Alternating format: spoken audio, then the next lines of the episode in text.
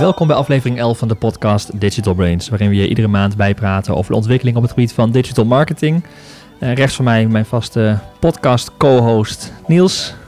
Welkom weer. Hey, Jeroen. En aan mijn andere kant Milou Grunder, social media marketeer bij ons. Leuk dat jij er weer bent. Ja, dankjewel. In aflevering 8 was je ook al te gast. Ja. Um, en in deze aflevering hebben we ook weer veel nieuws op het gebied van social media met jou te bespreken. Dus uh, mooi dat je er bent.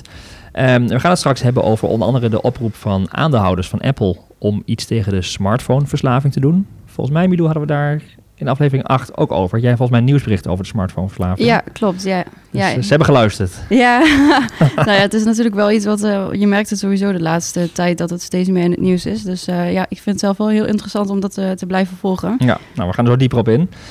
de vraag is of de AdWords specialist een uitstervend ras is. Een um, blog op Marketing Facts die behoorlijk wat losgemaakt heeft. En Amazon begint met private label. Wat zijn daarvan de gevolgen?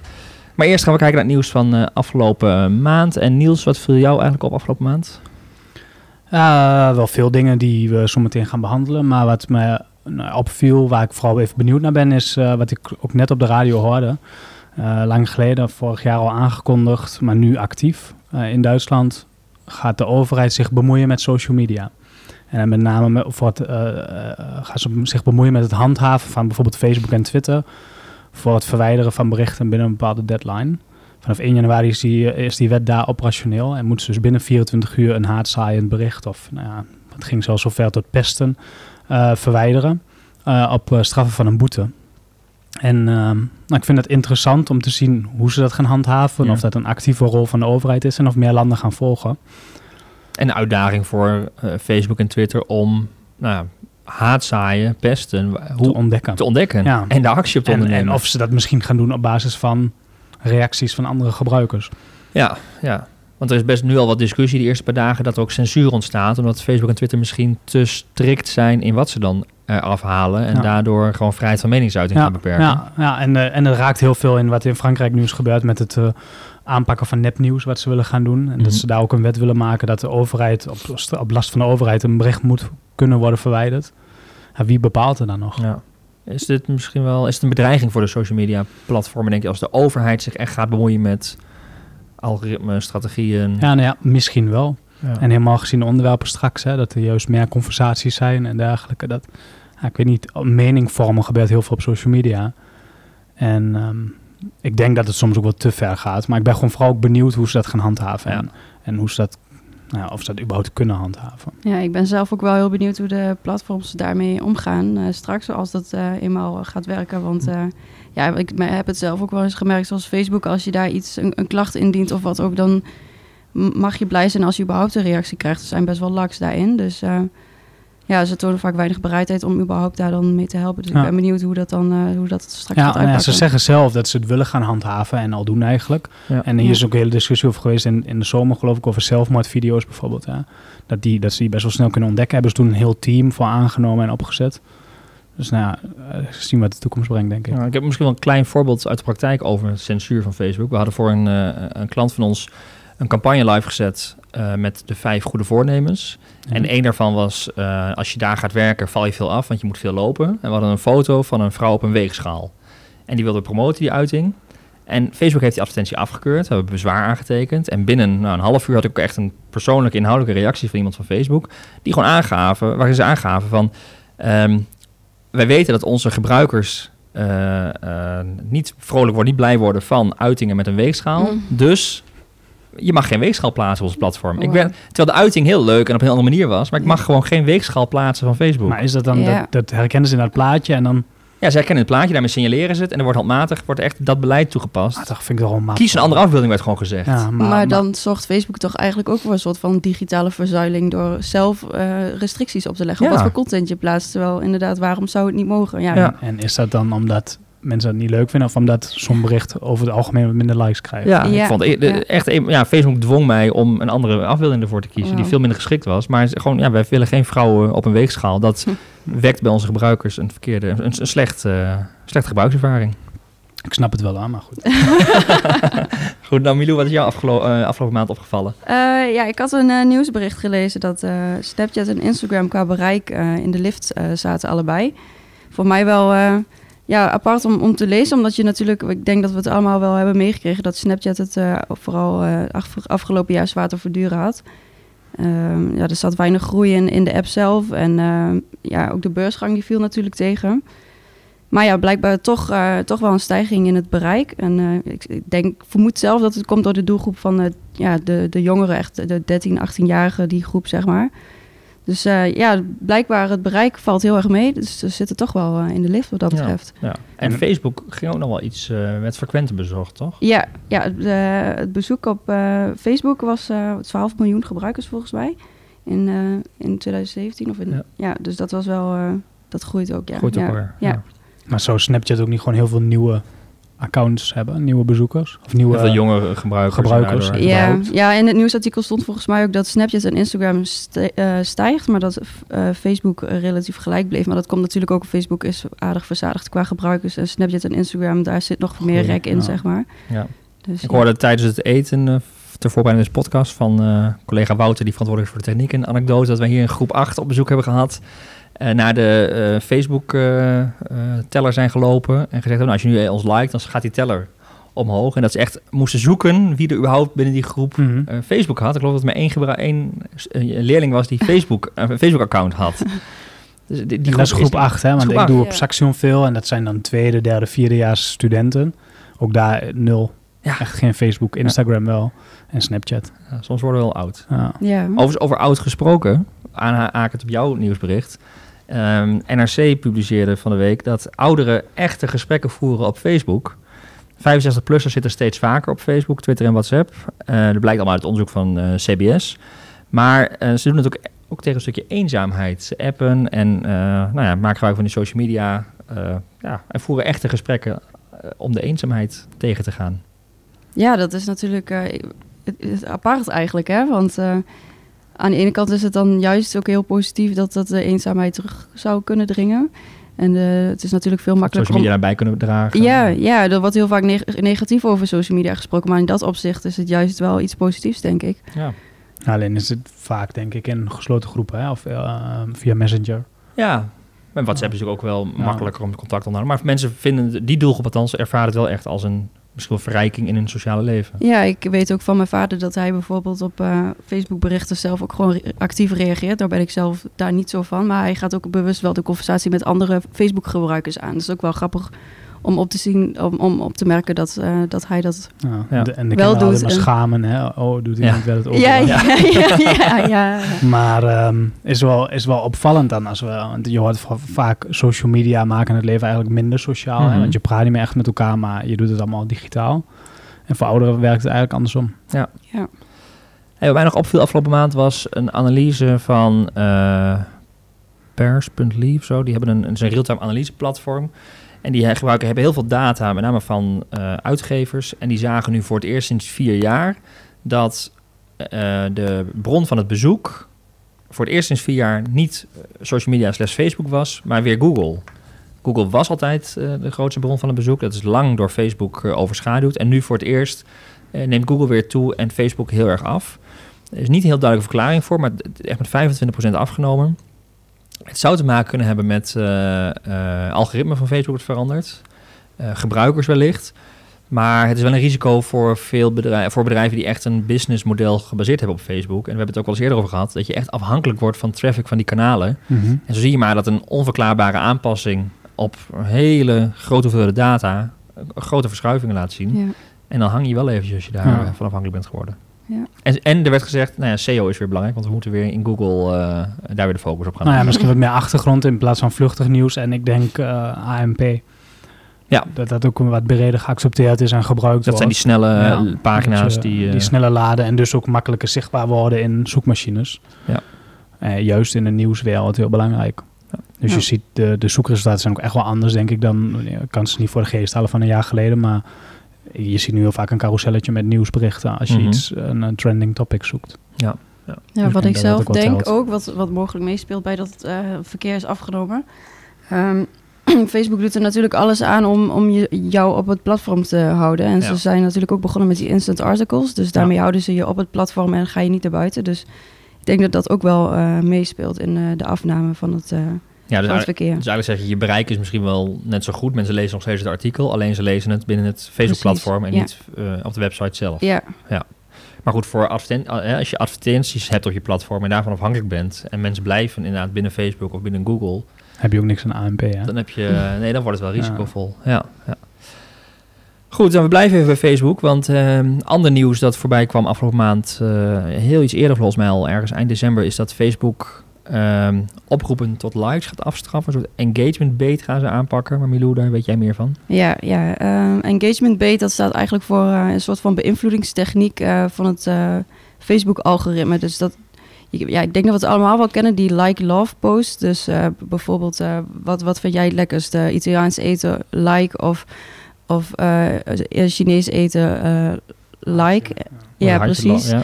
En daarmee geef je dus eh, op zo'n manier aan wat jouw voorkeur heeft. En dat gaan ze dus afstraffen. Omdat je op die manier eigenlijk simpele technieken gebruikt om, eh, om de interactie eh, te Ja, boosten. je, je, je verleidt mensen extreem laagdrempelig om een reactie uit te lokken. En interactie leidt tot een hoger organisch bereik van je pagina. toch? Ja, dus je precies. bent een beetje aan het manipuleren, denkt Facebook. Ja, precies, ja.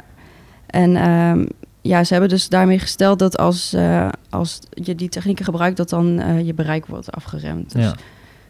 Het is wel eh, Het- jammer. Het werd ook heel veel gedaan. Ja, maar ik, ja, maar ik vind like en win vind ik anders dan gewoon leuk met zo'n... Ja, maar like en win, het allerergste voorbeeld wat ik ooit heb gezien is van Chocomel.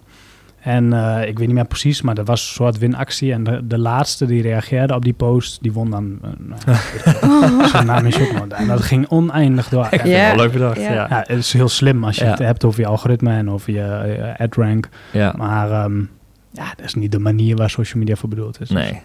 Nee. Nou ja, ze gaan het afstraffen. Hoe, hoe kunnen ze dat dan zien? Hoe, want we hebben ook wel gemerkt dat, of ge- gehoord dat Facebook dat like en win ging afstraffen. hè. Like onze pagina en maak kans op. Maar daar zijn ook geen concrete voorbeelden, eh, weinig effecten van te zien. Het gaat nog steeds heel succesvol voor heel veel kleine bedrijfjes. Maar Ja, het schijnt dat ze middels machine learning kunnen meten of je wel of niet gebruik maakt van die, eh, van die technieken. Ja, ik ben benieuwd hoe dat, eh, Ja. hoe dat gaat. en, heb jij ideeën wat je dan kunt doen om je engagement en interactie toch nog te beïnvloeden? Waar, waar moet je dan nog meer de focus op leggen? Want Ja, e- heel eerlijk gezegd, eh, je moet gewoon nog relevantere, nog betere content gaan produceren. En op die manier goede content dat mensen uit zichzelf gaan reageren. En dat je niet gaat Smeken vragen om, ja. een Maar wat is dan nog smeken? Hè? Wat nou als je een stelling plaatst? Ja, dat, dat mag dan wel. Ja, maar hoe maak je dat onderscheid? Dat vind ik dan, want in een reactie op dit nieuwsartikel stond ook, nou als je om tips vraagt. Ja. Juist iets waar een sociaal platform voor bedoeld is. dus tips van anderen. Ja.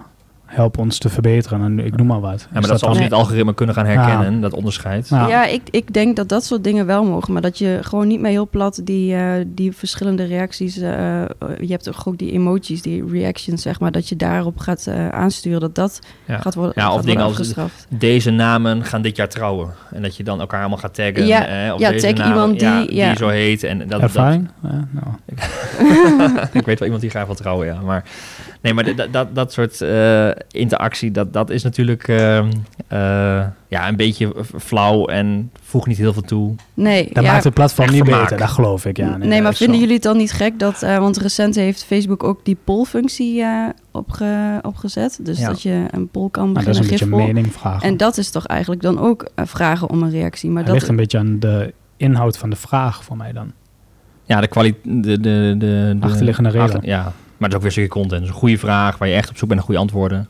Krijg Ja, je ik- minder reacties dan eh, zo'n domme update wat je het lekkerste eten Ja. vindt op de foto. Ja, maar goed, dat kun je dan ook Ja. in zo'n pollfunctie Ja. verwerken. En dat mag dan weer wel. Ja, ik vind Ja. het zelf een beetje tegenstrijdig. Maar eh, waar ik het wel, waar ik wel mee eens ben of blij mee ben, is die winacties. Want toen het net allemaal wat groter werd en steeds meer bedrijven op Facebook actief werden, was dat bijna het enige wat mensen deden. Hè? Omdat Ja. je daar veel interactie op kreeg.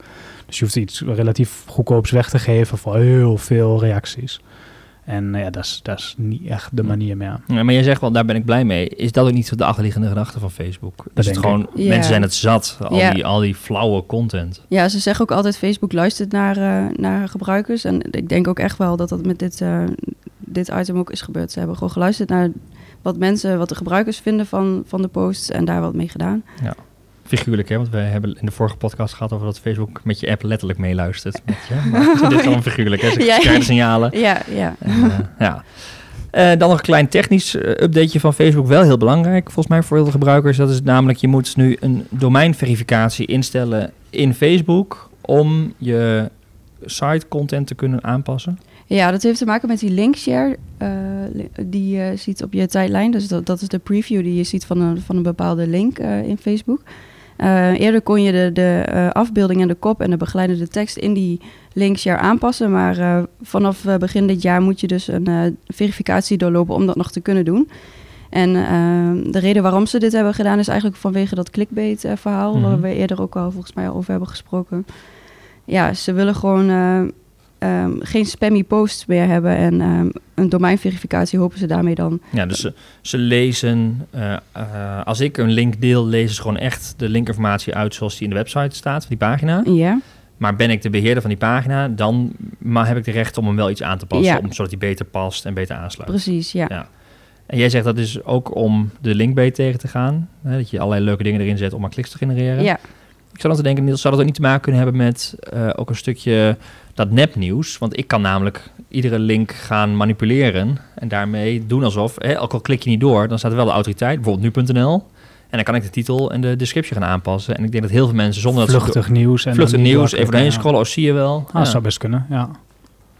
Nou, Maar het is wel belangrijk. Is- bedoel- ja? is, is, nou, nee, nee, ik, nee, ik wou nog een keer zeggen, zou best kunnen. Maar dat is wel natuurlijk stap 1 om nepnieuws tegen te gaan. Ja, Ik weet niet hoe duidelijk. vaak dat gebeurt. Ik ook niet, alleen de websitebeheerder kan het nu, de Ja. website-eigenaar kan het nog beheren. ja, Facebook die, eh, heeft wel een bepaalde techniek, geloof ik, dat ze clickbait kunnen achterhalen door te meten hoe lang iemand op de website is. Dus stel iemand klikt ja. op een, een linkshare en je blijft maar heel kort, dan eh, loop je dus het risico om als clickbait nieuws te worden Ja. weggezet. Dus dat is wel een indicatie waarbij ze het kunnen meten. Maar ehm, ja, deze de verificatiemethode wil dat dan nog weer verder voorkomen, zeg maar. Dus ik vind het wel een goede ontwikkeling. Ja, wel Ja. belangrijk als jij eh, een website hebt en je gebruikt, maakt hier vaak gebruik van, of misschien wel iedereen die dat heeft, om dat te regelen. Want je kunt het tot een bepaalde datum regelen en daarna niet meer. Hè? Ja, klopt. Ja, tot eh, volgens mij het einde van Q1 van dit jaar eh, kun Ja. je dat nog instellen. In ieder geval, dat is wat ze in eerste instantie communiceerden. Misschien dat het nog wordt verlengd, maar dat was eh, wat in ieder geval werd En bekendgemaakt. daarna ja. kun je het nooit meer aanpassen. Zeggen ze. Zeggen ja. ze. Ja, Oké. we zullen het meema- meemaken, toch? Ja. Dan gaan we, is maar een klein stapje van Facebook naar Instagram. Instagram komt met een aparte communicatie-app voor onderlinge communicatie, Instagram Direct. Eh, ja, nieuws, maar niet heel verrassend denk ik als je kijkt naar WhatsApp, Facebook. Hoe zie jij dat? Ehm, ja, ik vind het zelf. Het is natuurlijk weer een, nog weer een nieuwe app. En eh, ik heb al een beetje reacties gelezen van, van andere gebruikers die ook zeggen van... nou, hoe ver gaat het straks nog? Heb ik dan een aparte app voor Facebook, Facebook Gallery, voor Facebook Messenger, Instagram Stories? Komt daar dan ook een nieuwe app voor? Ja, dat, dat is een beetje weerstand tegenover een, dat, het feit dat er nog weer een nieuwe app Ja, ja. komt. Je wilt dat- gewoon op één plek allemaal kunnen doen. Ja, dat was toen destijds met Facebook Messenger ook, dat er mensen zoiets toch hadden precies van waarom- hetzelfde, dit. Ja, ja. Ja, en daarbij ehm, gaan ze daarmee wel heel erg eh, Snapchat naapen natuurlijk. Want het is eigenlijk een soort van Snapchat-kopie. ja, daar zijn ze heel goed in, hè? Kopiëren op Ja, Snapchat. ja, ja, ja. Maar en de conclusie is misschien dat de Instagram-gebruikers dus ook niet automatisch de Facebook Messenger-gebruikers zijn. Wat we net al even zeiden. Eh, een grote groep is wel actief op Instagram en niet meer op Facebook. Dus heeft nooit de Facebook Messenger-app wellicht. En voor die doelgroep willen ze de Instagram Messenger gaan aanbieden. Ja, ja. Ja, eh, ik, ik ben benieuwd. Ik, ik, ik ben zelf niet iemand die... Want dat, dat is ook wel eh, volgens mij een beetje de trend op Instagram. Dat je op, op Instagram niet zo heel veel chat überhaupt. Dus ik, ik in ieder geval niet. Eh, dus ik weet ook niet hoe het succes eh, gaat verlopen van deze app. Het is in ieder geval nu nog in eh, test in een paar landen volgens mij. Ja. Ben jij een Instagrammer, Niels? Nee, alleen een volger. En een Facebook Messenger-gebruiker? Eh, nee, nee, totaal niet zelfs. Maar, ehm, nee, maar hoe, staat, hoe, hoe zit deze ontwikkeling in het licht van waar we twee of drie podcasts geleden over hadden?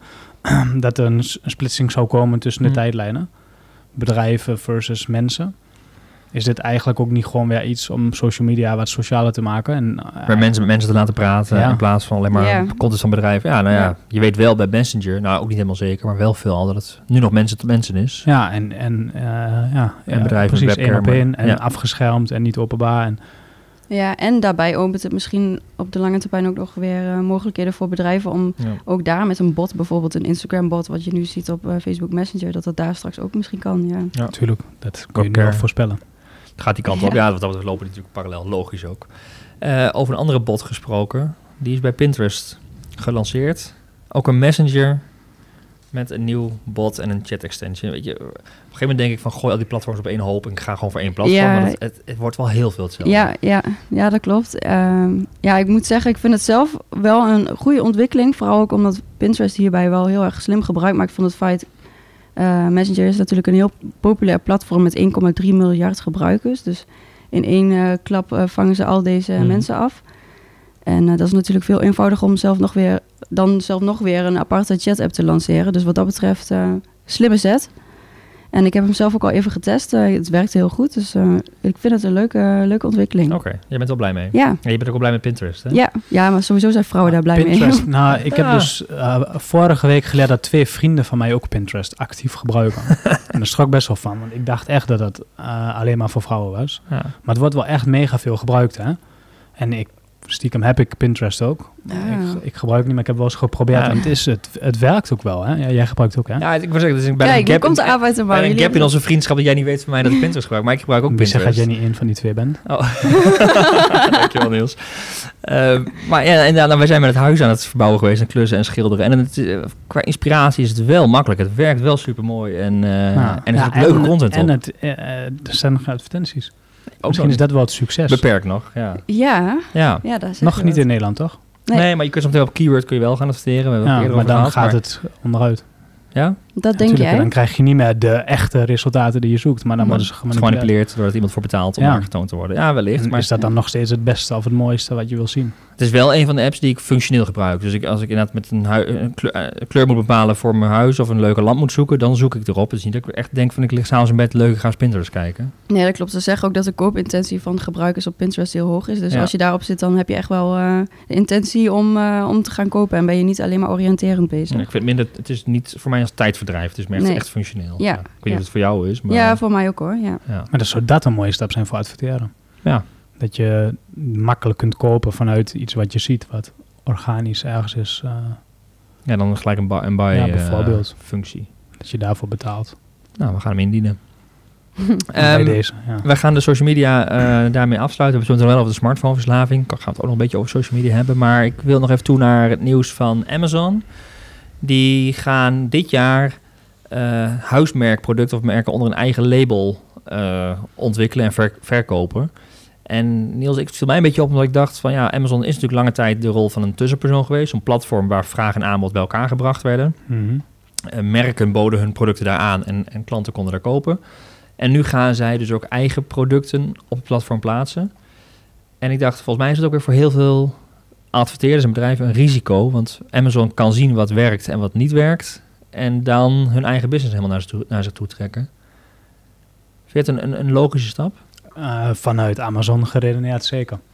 Ze hebben natuurlijk een mega groep bezoekers en die daar kopen. En ja, de stap om het dan zelf, eh, die marge niet meer weg te geven, is niet zo, is, is, dat is slim, natuurlijk. Ja. Alleen is het andere kant inderdaad een risico. Want wat doet dat met adverteerders? Ja. En überhaupt, wat doet dat met een monopoliepositie? En, ja. Ja, het is voor ons nog best wel moeilijk om ons een beetje te kunnen verplaatsen in die wereld van Amazon. Ik hoorde uh, Ernst-Jan Fout van de correspondent zit momenteel voor de correspondent in New York. En die had een laatste podcast aflevering met Alexander Klupping.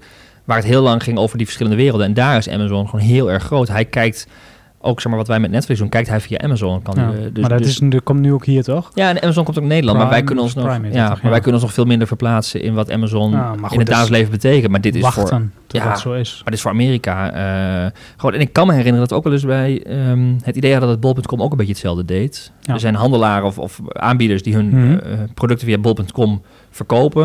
En op een gegeven moment gaat bol.com in één keer zelf het in het assortiment opnemen. Ja, als ze zien dat er genoeg vraag is en dat de marges eh, Ja. goed genoeg zijn. Ja, ik weet wordt- niet, ik weet, dat, dat, dat hoor ik. Ik Ja. weet niet, ik heb geen voorbeeld. Nee, ik ook niet. Maar het idee is dat bol.com verdient aan een soort marktonderzoek door gewoon de markt eh, producten te laten verkopen. En vervolgens gaan ze het zelf doen. Ja. En dat is wat Amazon ook een beetje gaat doen. Ik kan me voorstellen dat het op lange termijn wel eh, nadelig voor ze gaat werken. Ja, maar het is wel, ja, misschien, maar het is natuurlijk voor nu wel echt een groeistrategie voor ze. Ja, ja. En ehm, ik denk voor de consument ook niet erg. Nee. Want het wordt goedkoper en makkelijker. Ja, het sluit nog beter aan. eh, ja. Ja. Nou, misschien in dat kader dat ze het wel eh, ermee verder gaan. Dan de opvallende brief van twee aandeelhouders van Apple. Die richting Apple eh, schrijven van doe meer aan, tegen de smartphone-verslaving. Ehm, twee investeerders die zeggen dat de bewijzen zich opstapelen dat smartphones verslavend zijn en dat overmatig gebruik echt negatieve effecten kan hebben op de psychische en de, of de, de psyche en de ontwikkeling van kinderen. Eh, nou ja, ze hebben allerlei cijfers aangehaald, hebben het ook vaker over gehad. Maar de gemiddelde Amerikaanse tiener eh, krijgt op zijn tiende een smartphone en dan gemiddeld 4,5 uur per dag op doorbrengt. En 78% van de tieners checkt elke uur zijn smartphone en 50% geeft aan zich verslaafd te voelen. En nu zeggen dus de aandeelhouders, dit moeten we niet meer willen.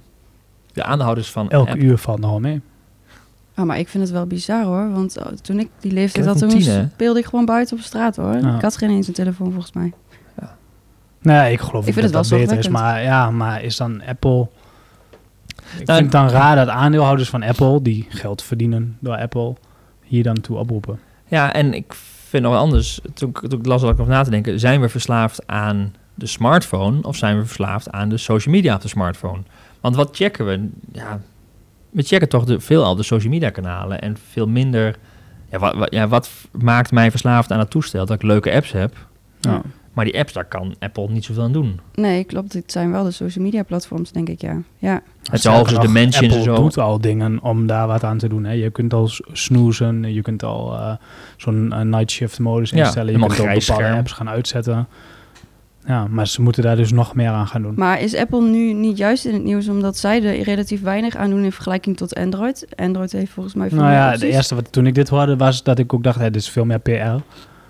En eh laten bewust. zien dat je, dat je goed bezig bent. Dan, eh, of in ieder geval dat je het beste met de mensen voor hebt, dan dat, je, je, dat, je, dat ze dit daadwerkelijk moeten gaan doen. Ja, maar ik, eh, ze zeggen dat sommige apps worden vergeleken met gokkasten. En ze willen, de, oproep is minder tijd in nutteloze apps doorbrengen. Maar ja, Apple kan natuurlijk Maar wie minder... bepaalt dan dat dat nutteloos is? Is dat dan... ja, en het is ook niet, ook, ook niet aan Apple. Om bij wijze van spreken, als je een app indient om te gaan bepalen... is deze zinvol of niet. Ik bedoel, ontspanning en entertainment hoort er ook bij. Ja, Ik vind tv kijken ook soms nutteloos. is het ook soms. Ja. Maar wel lekker. Ja. maar eh, nee, maar en toevallig hoorde ik van, van de week eh, op het nieuws dat er zelfs een lobby gaande is om eh, gameverslaving als ziekte op te nemen. Ja. En dat is natuurlijk wel een beetje hetzelfde als dit. Ja, het is ook een vers- ja, een verslaving inderdaad. Ja, maar is het dan een ziekte? Ja. Voor Maar- sommige eh, uitzonderingen natuurlijk wel, hè, die, dat Ja. echt, Ja. die gaan er gewoon aan kapot. Maar, Maar zou je een dag zonder je smartphone kunnen? Nee. Nee, nee, maar waarom? Dat die smartphone je toegang biedt tot... Ja, je, je doet er gewoon alles mee. Ik merk het mezelf. Ik vind het zelf soms ook gewoon storend hoor. Soms leg ik hem ook bewust een, even weg een avond als er vrienden zijn of zo. Dan wil ik ook gewoon echt even niet naar kijken. Maar dan ben ik echt bewust bezig met dat ik hem wegleg ja. en er van weg blijf. En dat is eigenlijk al wel het signaal dat je gewoon eigenlijk gewoon verslaafd bent. Ja, omdat het, de, de, je hebt eigenlijk continu dat prikkeltje, mis ik wat, de verleiding Ja. om die telefoon te pakken en weer een van die apps te gaan openen. Ja, Ik denk dat iedereen dat herkent. Of dat je van huis weggaat en dat je voelt aan je zak en oh, waar is ja mijn telefoon ik ben wel eens teruggegaan hoor. Echt. Ja. Terwijl ik weet ook zeker, tenminste ik zelf, als ik op vakantie ben, dan check ik mijn telefoon veel minder. Ja, En dan dat- voel ik me altijd zo lekker. Ja. Ja, dat herken En ik dan ook. mis, heb ik heel veel gemiste berichtjes en noem maar op. En dan denk ik, nou ja, goed, prima. Maar ik heb het ook niet nodig. En eh, in het normale leven, ja, veel te vaak. Maar heb je- ik heb zo'n app, hè, Checky heet die. Ja? Oh ja, die durf ik meet niet te gewoon hoe Ja. vaak je, nou, 260 keer laatst dag. 260 keer, dus, en daarom zeg ik één per uur, valt al mee. Ik met jou Ja, wel. man. Ja, wel, maar ik had daar ook laatst met een klant van mij over dat je de, de telefoon hè, weg moet leggen, af moet bouwen. Maar ik vind ook heel veel relevante functies op de smartphone staan. Hè. Ik lees Hij is ook gewoon nodig in je leven. Ja, het is gewoon. mo- Ik vind ook eh, in het kader van lifehacking vind ik de smartphone een uitkomst. Hè? Je leeslijsten, je feedly eh, feeds, je. Nou ja, Notificaties, de meldingen ja, die je instelt. Oh, geef me dit even als, Als meldingje als ik ja, op kantoor als kom. mijn bitcoin koers keldert, krijg ik een meldingetje. Dat vind ik wel belangrijk. Maar eh, Jeroen, jij bent dus ook gewoon verslaafd, begrijp ik? Nou, eh, ja, ik ben er wel. Ik ben de, ja, ik, maar omdat ik hem echt functioneel. Ik, ik heb ik gebruik hem heel weinig voor onzin. Ik probeer social media tijdlijn, of tijd in tijdlijnen zo heel veel mogelijk te beperken. Dus ik gebruik hem heel functioneel. En ik kan hem ook wel goed wegleggen. Ik heb overigens wel één keer heel erg spijt van gehad. Ik ben ook een beetje een politieke junkie. En ik was een dag naar de sauna en toen is een kabinet gevallen. En dan kwam ik s'avonds uit de sauna en zag ik dat. En daar baalde ik echt zo gek van. Want als ik dan wil ik maar één ding doen, dat is eh, nieuws kijken. Dat vond ik echt verschrikkelijk. Maar eh, ja, nee, ik gebruik wel veel functioneler dan... eh, het is voor mij niet tijdverdrijf. Oké, ja. Ja, daar kun je denk ik ook wel duidelijk een onderscheid in vinden. Ja. Ja. Denk ik zelf. Maar misschien moet ik die app van jou eens installeren, Niels. En dan Ja, ja, nou ja, word ik maar eens is mijn perceptie en de Check realiteit uh, matchen totaal niet. Ja, nee, maar goed, je- het is wel zo. Je checkt het heel vaak. Ja, En eh, of dat goed is, kun je je afvragen. En steeds jonger, eh, de kinderen die dat hebben, ja, er zijn nog heel veel onderzoeken dat het allemaal niet uitmaakt, net als tv kijken en dergelijke. Maar ik geloof echt wel dat het effect heeft. actief zijn en buiten zijn beter is. Maar goed, wie zijn wij om dat te vinden? Ja. Er is in ieder geval een groep specialisten die binnenkort ook meer naar buiten kan. De AdWords-specialisten. ja, een mooi In bruggetje. ieder geval per nu part-time gaan werken. Per nu, ja, part-time. We hebben hier ook gelijk dus de hele afdeling gehalveerd. Maar, eh, want ja, de AdWords-specialist is een uitstervend ras. En ja, Milou, niks ten nadele van jou. Maar Wouter, jij bent verantwoordelijk voor de techniek van de podcast. En AdWords-specialist. Dus ja, wat mij betreft is het even de vraag aan jou om bij ons aan te sluiten. Want ik vermoed dat jij hier iets van vindt. Dus we gaan maar even, gaan we even switchen. Jullie, blijf jij maar van de knopjes af, Ik weet het wel zeker. Want dan eh, gaat dat in ieder geval wel goed. En kijk naar Wout, hoe lang hebben we eigenlijk nog over dit onderwerp? Want ik denk dat jij er wel uren over kunt praten. Uren. maar ik ben het er helemaal niet mee eens natuurlijk. Nee, want er was een, een om even de, de context te schetsen. Begin januari kwam er een eh, blog van Jaap Jacobs van eh, Fingerspeech.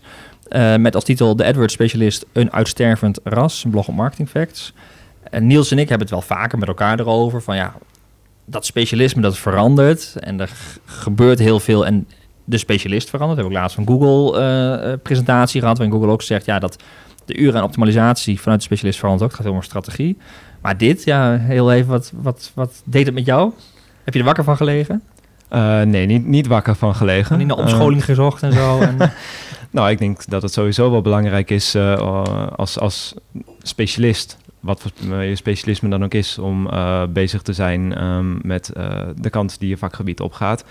Ehm, ja, vanuit mijzelf eh, ben ik er wel mee bezig om überhaupt eh, eh, na te denken over eh, wat ik de komende jaren ga doen. Mhm. ja, ik ben er wel van overtuigd eh, dat we over eh, drie, vier jaar niet meer de AdWords doen zoals we dat nu doen. dus je gelooft wel dat die rol echt, echt verandert? Ja, dat zeker wel. En echt, Ja, echt groot gaat veranderen?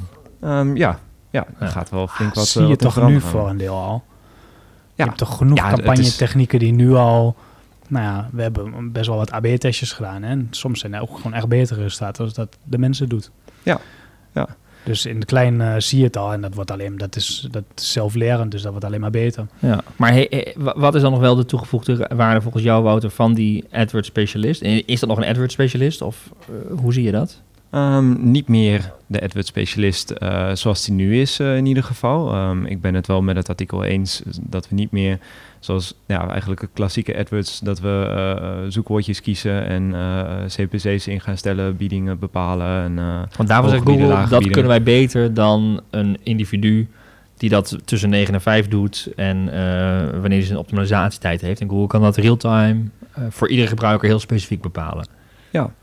En dat Ja. klopt, dat kunnen ze ook gewoon beter. ja, ehm, uiteindelijk als eh, zo'n systeem genoeg data heeft, dan ze ja, kunnen, dat, ze dat- kunnen toch ook veel meer er data veel- gebruiken dan een mens kan. ja, Ja. ja, Google heeft onder water data- meer, Ja, meer gegevens dan wij hebben. Ja, Ja, en nu eh, begrijp ik is de grens van het aantal conversies die nodig zijn, gewoon echt het fysieke aantal conversies, die is nog best wel hoog Ja. om eh, een efficiënte zelflerend systeem te ontwikkelen. Dus als je wat minder conversies hebt of wat minder bezoekers of überhaupt het volume wat lager is, is daar nog een belangrijke rol voor de mens.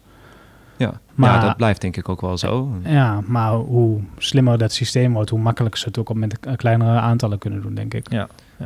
Ja, dus ik denk dat daar niet direct zo heel veel in gaat veranderen. Statistisch gezien blijf je gewoon een bepaalde hoeveelheid data nodig hebben om daar ja, statistisch eh, iets over te kunnen zeggen. Of iets eh, een significant eh, Mhm. verschil is of niet.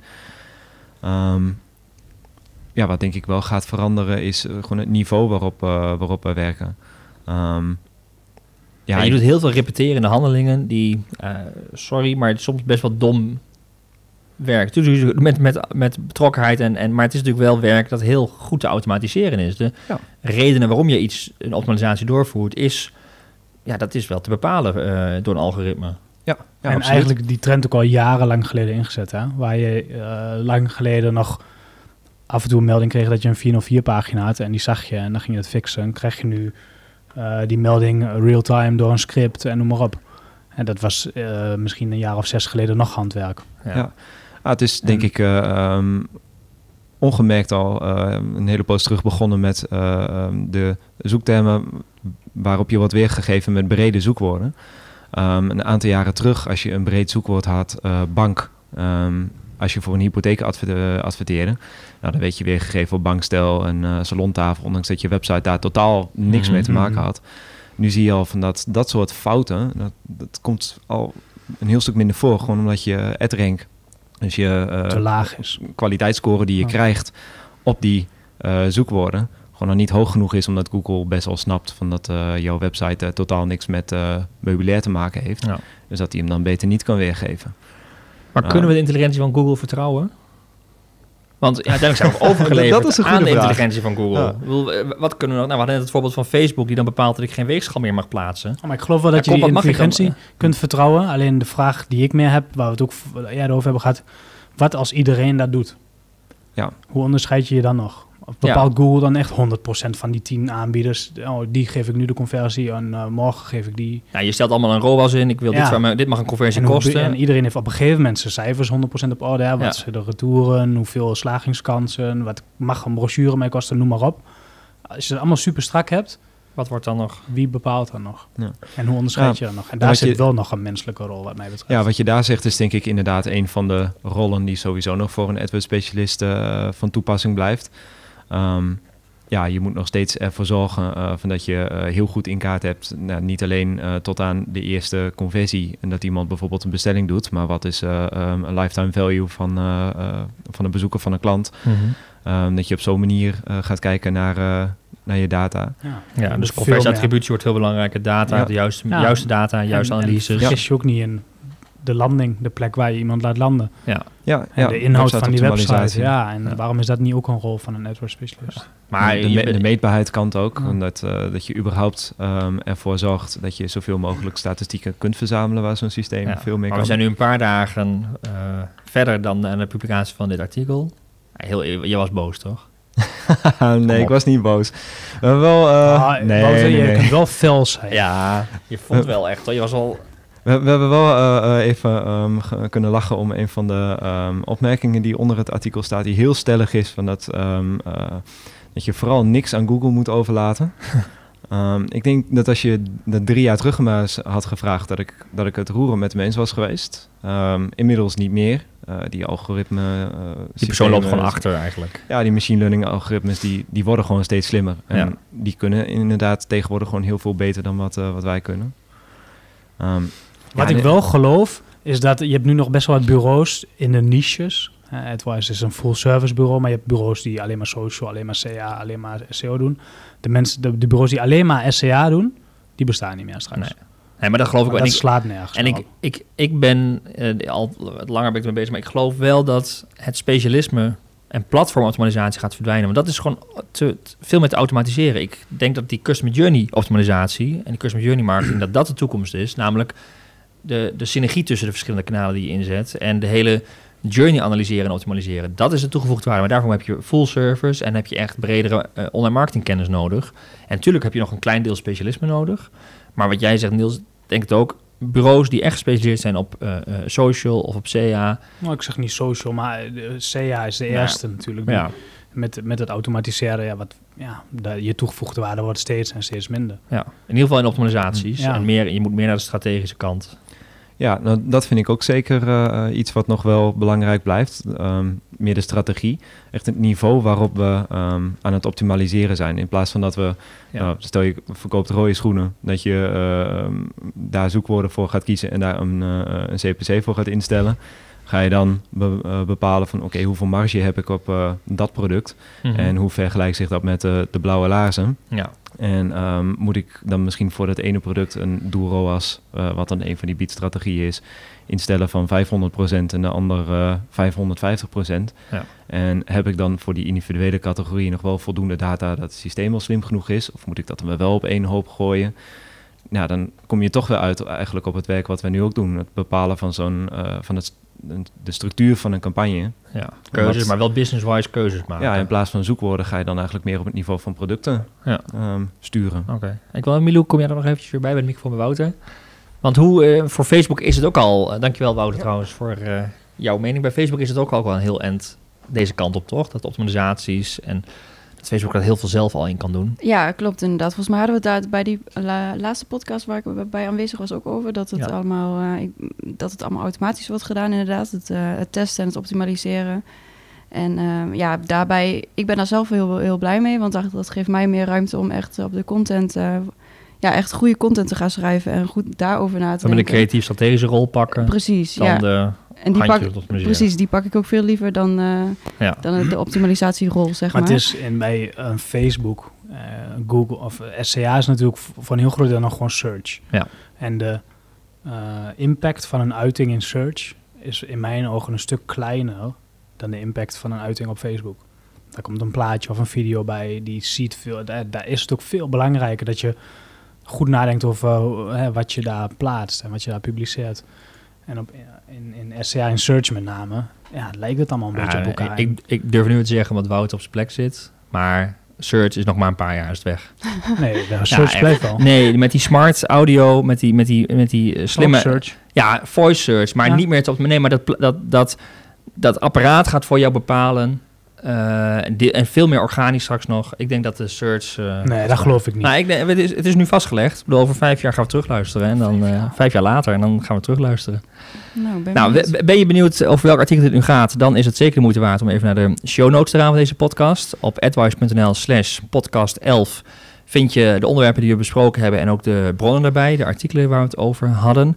Ehm, je kunt ons ook volgen eh, via Soundcloud of in je podcast app. Op die manier krijg je ook automatisch weer een eh, melding.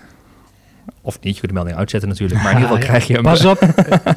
Moeten we een disclaimer Oh ja. toevoegen? ja. Je kunt in de app op, dan zien of er een nieuwe aflevering is. Zet de mentions uit. Ehm, heb je leuke onderwerpen, eh, reacties of wat dan ook op deze podcast, dan zou ik het heel erg leuk vinden als je een review achterlaat in de eh, store, de iTunes, iTunes Store of de Play Store. Eh, maar je mag hem ook gewoon mailen naar podcast.advice.nl, maar we zijn heel blij met vijf sterren. Ehm, Wouter, bedankt voor jouw eh, techniek en jouw nou ja, inhoudelijke bijdrage over de rol van de CA-marketeer. Niels, dankjewel weer. Ja. En Milou, leuk dat jij er was. Ja, ik vond het ook leuk. En heel graag tot de volgende aflevering. on